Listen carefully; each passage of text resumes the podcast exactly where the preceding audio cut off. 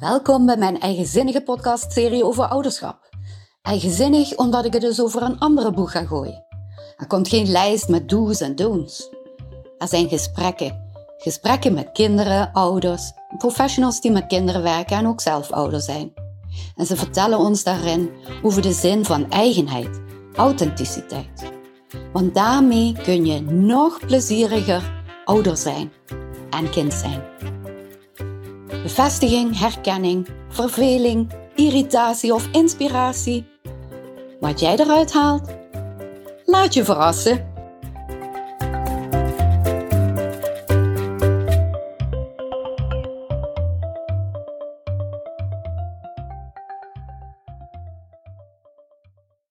Welkom bij deze vierde aflevering van de serie Plezierig Ouderschap. Ik heb dadelijk een interview met Ingeborg Dijkstra Verbeek. Zij is moeder en pedagoog. Begeleidt kinderen, jongeren en hun ouders. En daarnaast is ze betrokken bij tal van activiteiten die mensen gelukkig maken. Ze is dan ook heel veel te zien in de media. Na dit mooie gesprek met Ingeborg heb ik het nog even over iets wat me op mijn hart ligt. En ik sluit af met een gedicht. Veel luisterplezier. Hallo Ingeborg, wat fijn dat je met mij eh, in gesprek wilt gaan over plezierig ouderschap. Zullen we starten en dan misschien kun jij beginnen met iets te vertellen over jezelf, je werk, je gezin. Oké, dat ga ik doen. Nou, ik ben Ingeborg, ik ben 49, uh, eh, getrouwd met Siebe, die is net 50 geworden. En we hebben drie kinderen die uh, voor de wet volwassen zijn. Dat zou je aan het gedrag niet altijd merken, maar ze doen hun best. Uh, twee jongens van 21 en een dochter van 22. Onze dochter woont niet meer thuis, onze jongens nog wel. En um, ja, dat is wat ons gezin betreft. Um, toen ik uh, begon met mijn eerste opleiding was de PABO. Dus ik ben begonnen als juf maar wel als juf in het speciaal onderwijs. En ik had meteen al door toen eh, ik 21 was dat um, de PABO me voor het speciaal onderwijs niet goed genoeg um, ja, uh, kennis had gegeven en vaardigheden. Dat ik meteen in de avonduren pedagogiek ben gaan studeren. Um, toen was ik nog vrijgezel en dus in de twintig, dus energie van uh, hier tot Tokio. Dus overdag fulltime werken voor de klas in het speciaal onderwijs en dan s'avonds twee dagen per week naar school om pedagogiek te studeren. Dat heb ik een aantal jaar gedaan, vier jaar gedaan uiteindelijk mijn diploma gehaald, ontzettend veel bijgeleerd. En um, toen ben ik daarna wel gestopt als groepsleerkracht op het speciaal onderwijs.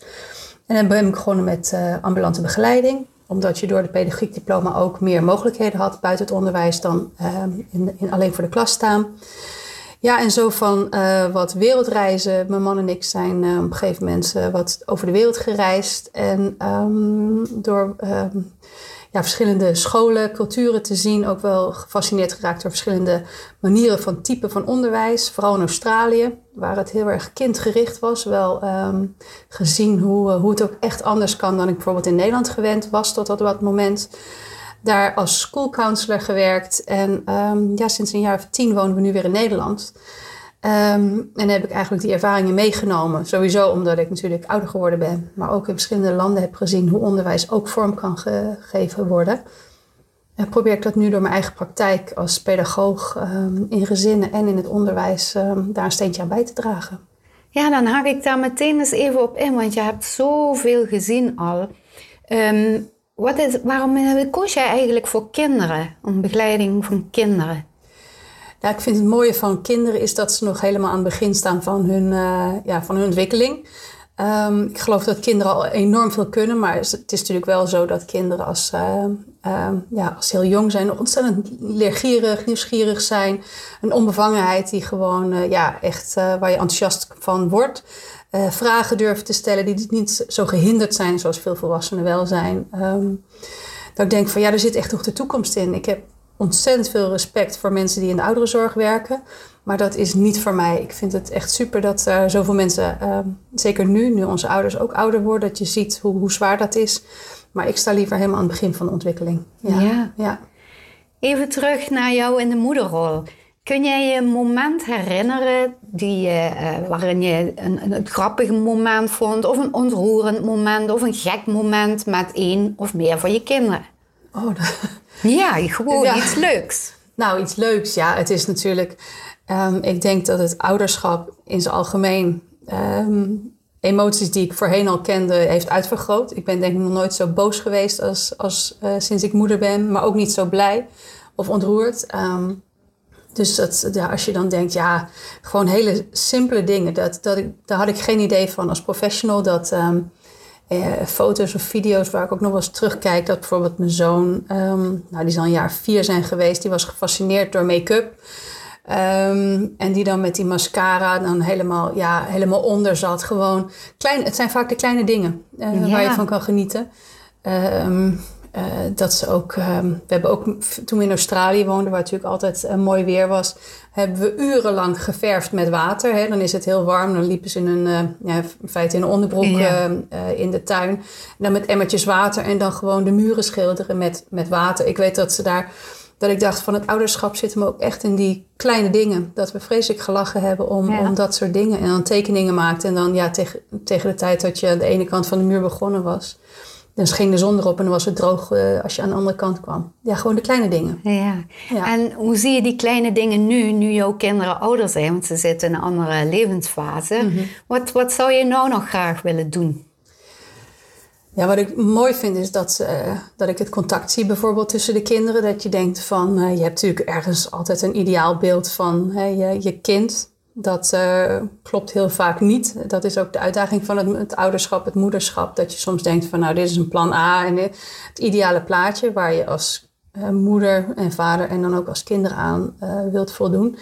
Maar ik vind het vooral heel mooi als, als ik dan zie dat, ehm, ja, dat mijn kinderen onderling met elkaar contact hebben. En zeker in deze tijd digitaal dan. Als ze niet, soms mijn dochter die dan uit huis is, dat ze dan elkaar aanmoedigen. Of even ja, in- een appje sturen. Het, zijn, het blijven die kleine dingen dan toch. Ja. Ja. Daar ben ik dan dankbaar voor. Heb je ook wel eens zomaar opeens een mooi gesprek met een van je kinderen? Zeker, zeker. Vaker eh, niet gepland. Ja. Dat is ook eerder, ehm, als ik met ouders werk ook, dat ik zeg van dat hele geforceerde, eh, zo van en nu gaan we eens met elkaar praten. Het kan een, een plek hebben hoor. Soms moet het ook echt wel. Dat je echt denkt van nou nu is het belangrijk. Maar juist eh, als je de afwas staat te doen of de vaatwasser leeg staat te ruimen. Of ehm, ja, naar de supermarkt rijdt. eh, tenminste, nu mag het niet met z'n Nee. tweeën. Maar je snapt wat ik bedoel. Of even een ommetje maakt. Ja.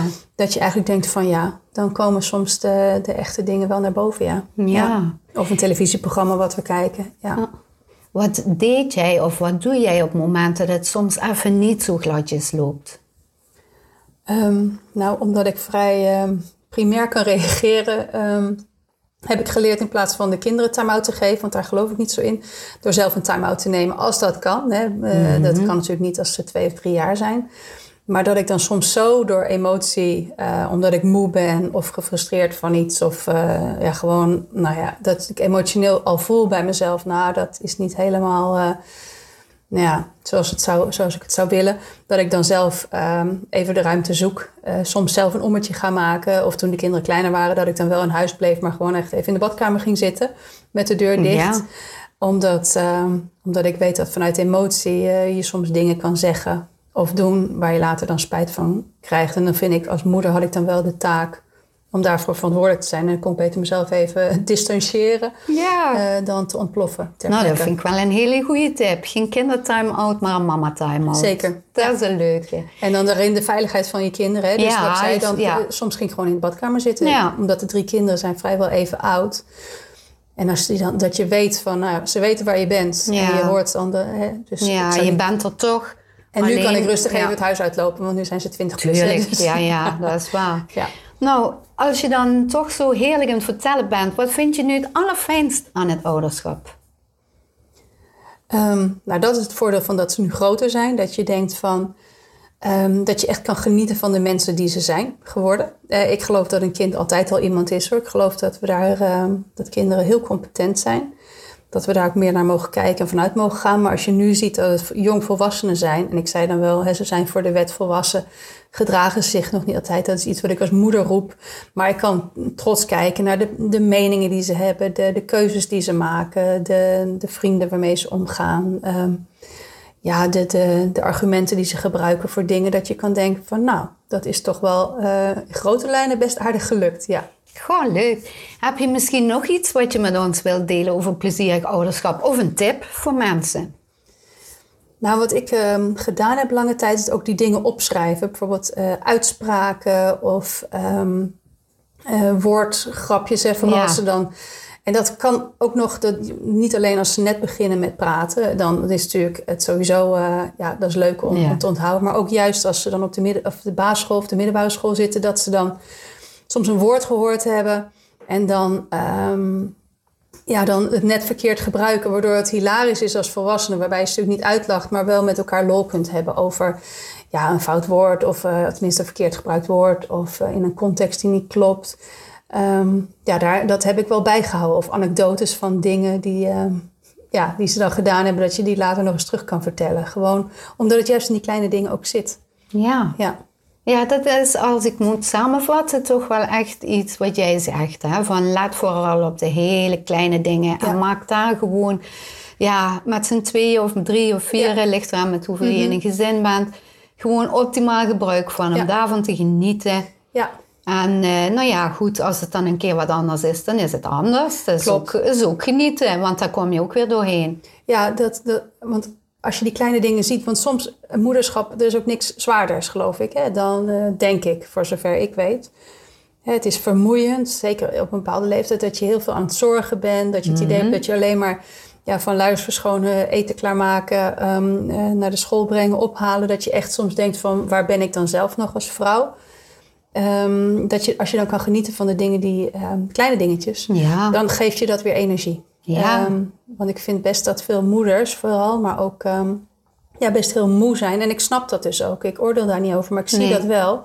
ja. En als je dan kan genieten van de kleine dingen, want daar moet je het dan echt van hebben. Want de grote dingen, ehm, ja, die gouden op de Olympische Spelen winnen ze nog niet als ze vier zijn, zeg maar. Dus dan moet je kijken en- van, Ja, wat, wat gaat er al goed? Of wat is eigenlijk gewoon heel leuk met ja elkaar? en anders mis je gewoon Precies. ook de leuke dingen. Hè? Ja.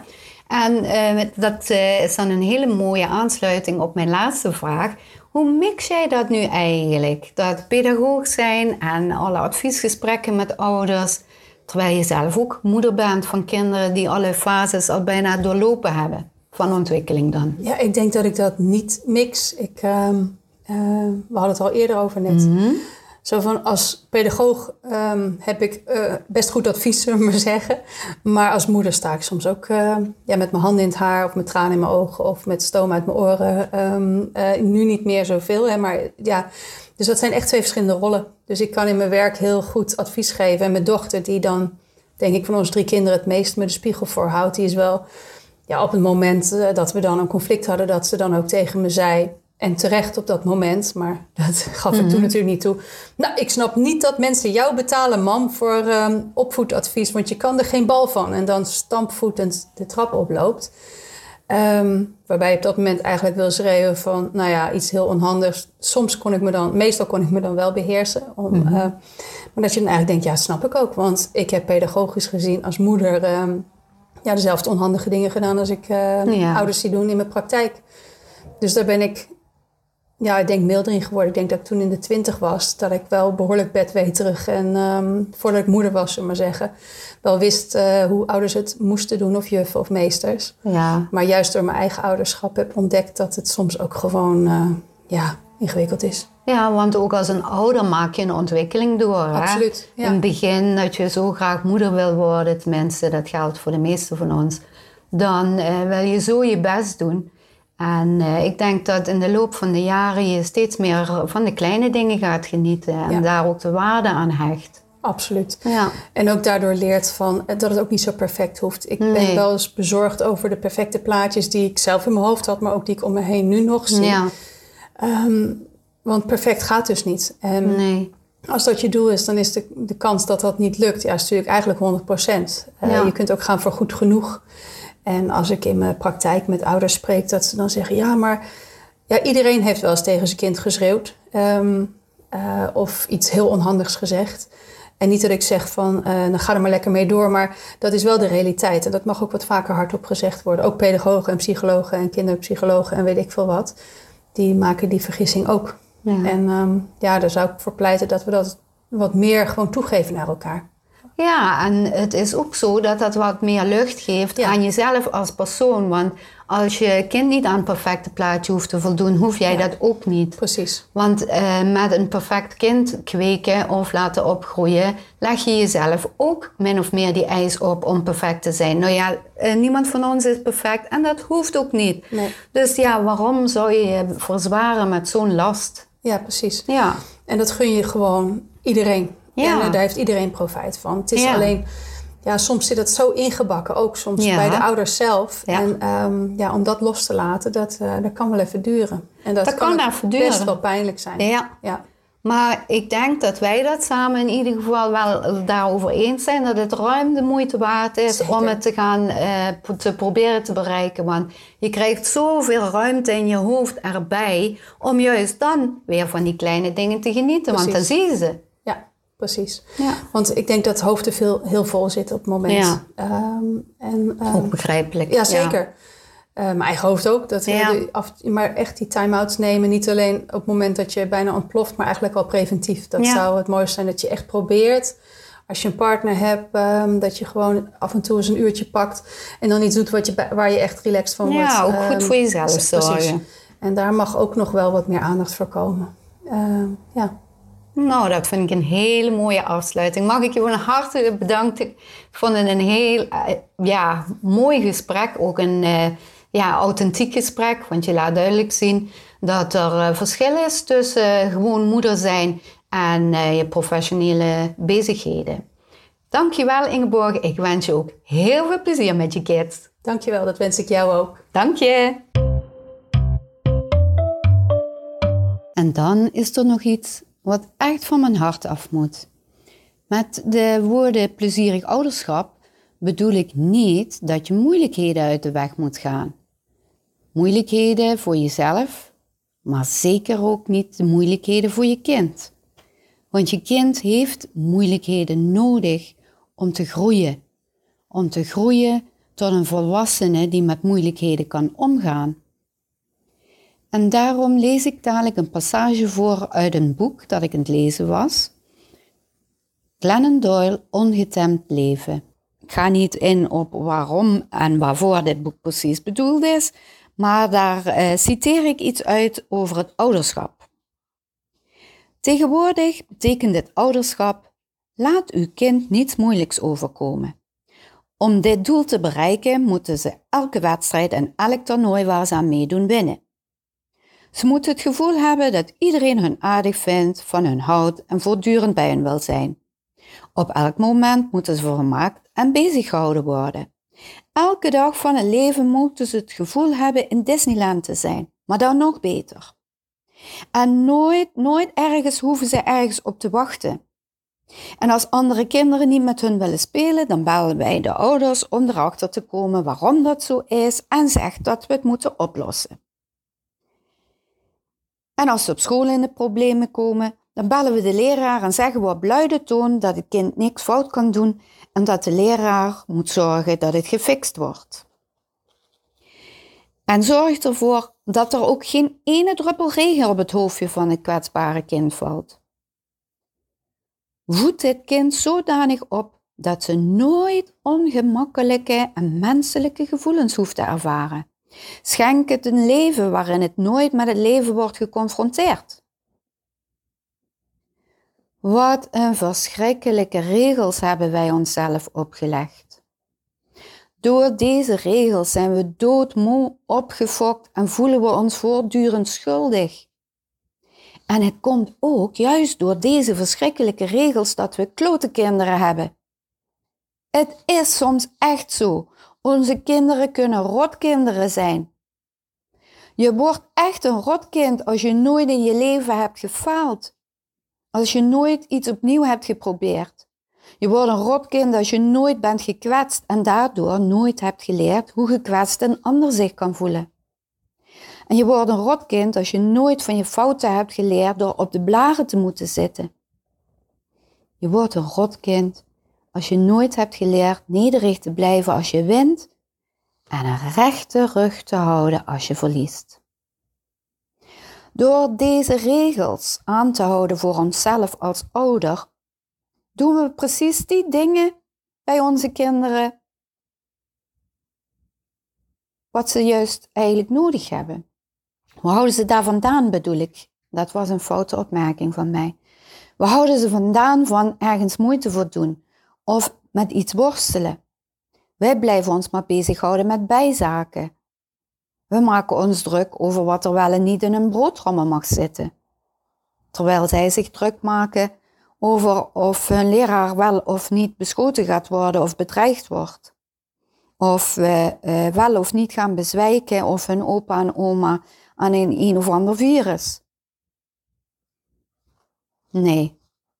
Laten we in Gods naam niet op alles een antwoord hebben voor onze kinderen. Wij hoeven alleen maar dapper genoeg te zijn om samen met ze het bos in te lopen en die lastige vragen onder ogen te komen. Wij kunnen moeilijke dingen doen. Ik vind dat het ook getuigt van arrogantie wanneer je nog steeds denkt dat je kind je bezit is. Misschien ken je zo'n prachtig gedicht van Khalil Gibran over je kinderen zijn je kinderen niet. Daarin zegt hij met andere woorden: Jij krijgt de zorg voor een kind, maar het is niet je eigendom. En dat lijken we dus soms wel eens eventjes helemaal te vergeten. Ook ik vergat dat wel eens hoor. En omdat ik dat wist dat ik dat vergat, ging ik op zoek naar hoe ga ik dat dan eens allemaal anders aanpakken. Wat milder en wat meer um, passend bij wat ik vind van het leven. En tegelijkertijd daarbij niet de eigenaardigheden van mijn kinderen uit het oog verliezen. En toen kwam ik terecht bij een uh, andere soort therapie die vrij nieuw was op dat moment. En daarin wordt voor de opvoeding een soort uh, stappenplan gegeven. En dat stappenplan, dat paste weer bij mijn planmatige aard, mijn structuur, behoefte aan structuur. Maar het gaf ook genoeg vrijheid om daarin te kiezen hoe je dat, die stappen in ging vullen. Want het is maar een framewerk. De inhoud bepaal je zelf. En daar wil ik het even over hebben, want namelijk zijn daar zes stappen worden daar genoemd. En stap 1 is bijvoorbeeld bepaal je koers. En met koers bedoelen we dan wat wil jij voor jezelf of je kind misschien nog aan gaan pakken? Wat wil jij leren? Welke vaardigheden wil jij als mens of als ouder nog graag ontwikkelen? Dat zijn maar zo van die dingen waar je zelf over na kunt denken. En als je denkt dat je er niet uitkomt en je hebt behoefte aan advies, nou Google. En bijvoorbeeld Google op ACT, A-C-T afgekort. Actief opvoeden. Daar is ook een prachtig boek van Actief opvoeden van Denise Matthijssen. En daar staan die stappenplannen uitgelegd met hele leuke oefeningen die ik zelf allemaal heb gedaan en um, waar ik zelf zo blij mee ben geworden dat ik deze manier van denken over uh, met je kind leven en je kind zich laten ontplooien, dat ik dat ook uitdraag, zoveel als kan, in mijn eigen leven en in mijn therapie en mijn praatjes. En de tweede stap in dat stappenplan is Denk eens na over je rol die je wil als ouder. Wil je iemand zijn die vooral steunt of bijvoorbeeld heel veel stimuleert? Wil je beschermen of juist iemand van alles zelf laten ervaren? Zit je er bovenop of hou je je een beetje teruggetrokken? Hebben we het een beetje meer over, uh, ja, verwaarlozing in goede zin. Stel je regels of maak je geen regels? Ben je consequent of juist heel toegeeflijk of wisselend? Ben je iemand die dwingt en pusht of iemand van de vrijheid en vooral veel loslaten? Jij mag kiezen. Er staat nergens wat goed of fout is. Pas het aan, praat erover met mensen waarmee je daarover kan praten. En vooral ook, denk erover na wat je kind misschien wel het meest nodig heeft. En vind daar een weg in. En dan kom je ook bij stap 3. En dan kom je tot de ontdekking dat er dingen zijn waardoor het niet lukt wat je allemaal graag zou willen. Bijvoorbeeld die gedachte, ik moet, nou vul maar wat in. Of er is gewoon geen tijd. De tijdsdruk is zo hoog dat je er niet toe komt om werkelijk oefeningen te doen of jezelf te leren tot rust te manen om deze stof tot je te nemen en van daaruit nieuwe gedachten, nieuwe plannetjes te maken en te trainen. Stap 4. Welke gevoelens en gedachten heb je als je denkt aan waar je mee wilt stoppen? Welk gedrag wil jij niet meer van jezelf? Hou daarmee op. Er zijn ook hele leuke filmpjes op YouTube te zien waarbij uh, een mevrouw naar een hulpverlener gaat en ze zegt van uh, wat haar uh, hinderlijke gewoonten zijn. En dan begint die therapeut gewoon tegen haar te schreeuwen: Stop het! En eigenlijk komt het daar wel op neer. Kappen daarmee. Hou op met al die monsters in de kast terugduwen. Want die kast puilt uit en die barst uit de voegen. Of stop met die bal onder water te proberen te houden. Dat gaat je niet lukken. De kracht waarmee die dadelijk onder je handen uitvloept, is nog veel groter dan je ooit had gewild.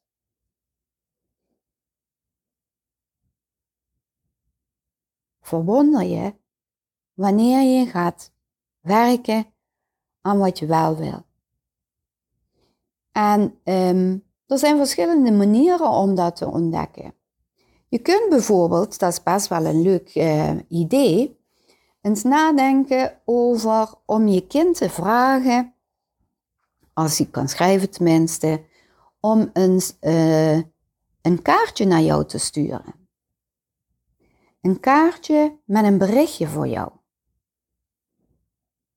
Over wat hij bij jou ervaren heeft als moeder of um, wat hij fijn vond de afgelopen vakantie. En daarmee kun je peilen wat hij of zij en wat jij belangrijk vinden. Er zijn ook uh, van zo'n um, soort gezelschapsspellen die er juist op gericht zijn om um, met elkaar te praten over zo'n leuke vragen van uh, hoe iemand jou ziet en hoe je gezien wil worden, wat je belangrijk vindt. En die spelletjes die zijn met name tijdens feestdagen of uh, zo'n lockdown als bij de coronatijden heel fijn om uh, toch eens te gaan proberen. Ook al lijken ze in eerste instantie misschien een beetje duf of uh, vind je het allemaal veel te vaag. Je zult merken dat er onverwachte dingen gaan gebeuren en je voelt je er heerlijk bij. Niettemin, bij alle plannen die je wil maken, zal het zeker zo zijn, en dat mag ook zo zijn, dat je regelmatig in een valkuil trapt. En daarover lees ik dadelijk een gedicht voor. Uit het Tibetaanse boek van Leven en Sterven. Ik loop door een straat. Er is een diep gat in het trottoir. Ik val erin. Ik ben verloren. Ik ben radeloos. Het is mijn schuld niet. Het duurt eeuwig om een uitweg te vinden. Ik loop door dezelfde straat. Er is een diep gat in het trottoir en ik doe alsof ik het niet zie, maar ik val er weer in. Ik kan niet geloven dat ik op diezelfde plek ben. Maar het is mijn schuld niet. Het duurt nog lang voordat ik eruit ben. Ik loop door diezelfde straat. Er is een diep gat in het trottoir. Ik zie dat het er is, maar ik val er weer in. Het is een gewoonte. Mijn ogen zijn open en ik weet waar ik ben. Het is mijn schuld. Ik kom er direct uit. Ik loop door dezelfde straat. Er is een diep gat in het trottoir. Ik loop eromheen. Ik loop door een andere straat.